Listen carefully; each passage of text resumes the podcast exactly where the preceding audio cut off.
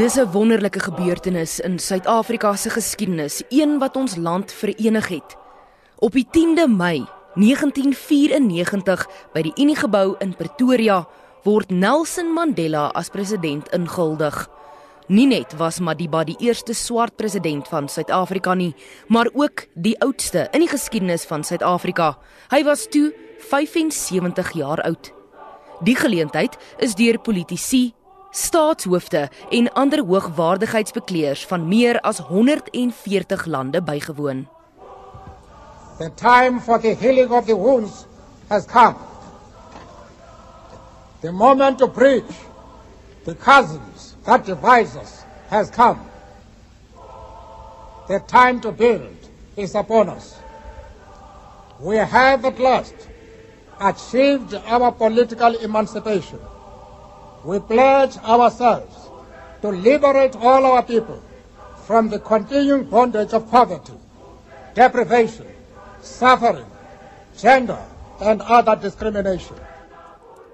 By die geleentheid het 100 000 Suid-Afrikaners gedans en gesing van blydskap. Madiba het ook die uittredende president, F.W. de Klerk vereer, saam met wie hy die Nobelprys vir vrede in 1993 ontvang het, deur te sê: Hy het homself onmisbaar gemaak en is een van die grootste hervormers in die Suid-Afrikaanse geskiedenis. In the presence of those assembled here and in full realization of the high calling I assume as executive president in the service of the Republic of South Africa. I, Nelson Rolihlahla Mandela, do hereby swear to be faithful to the Republic of South Africa and do solemnly and sincerely promise Die 10de Mei 1994 was die begin van Suid-Afrika se demokrasie.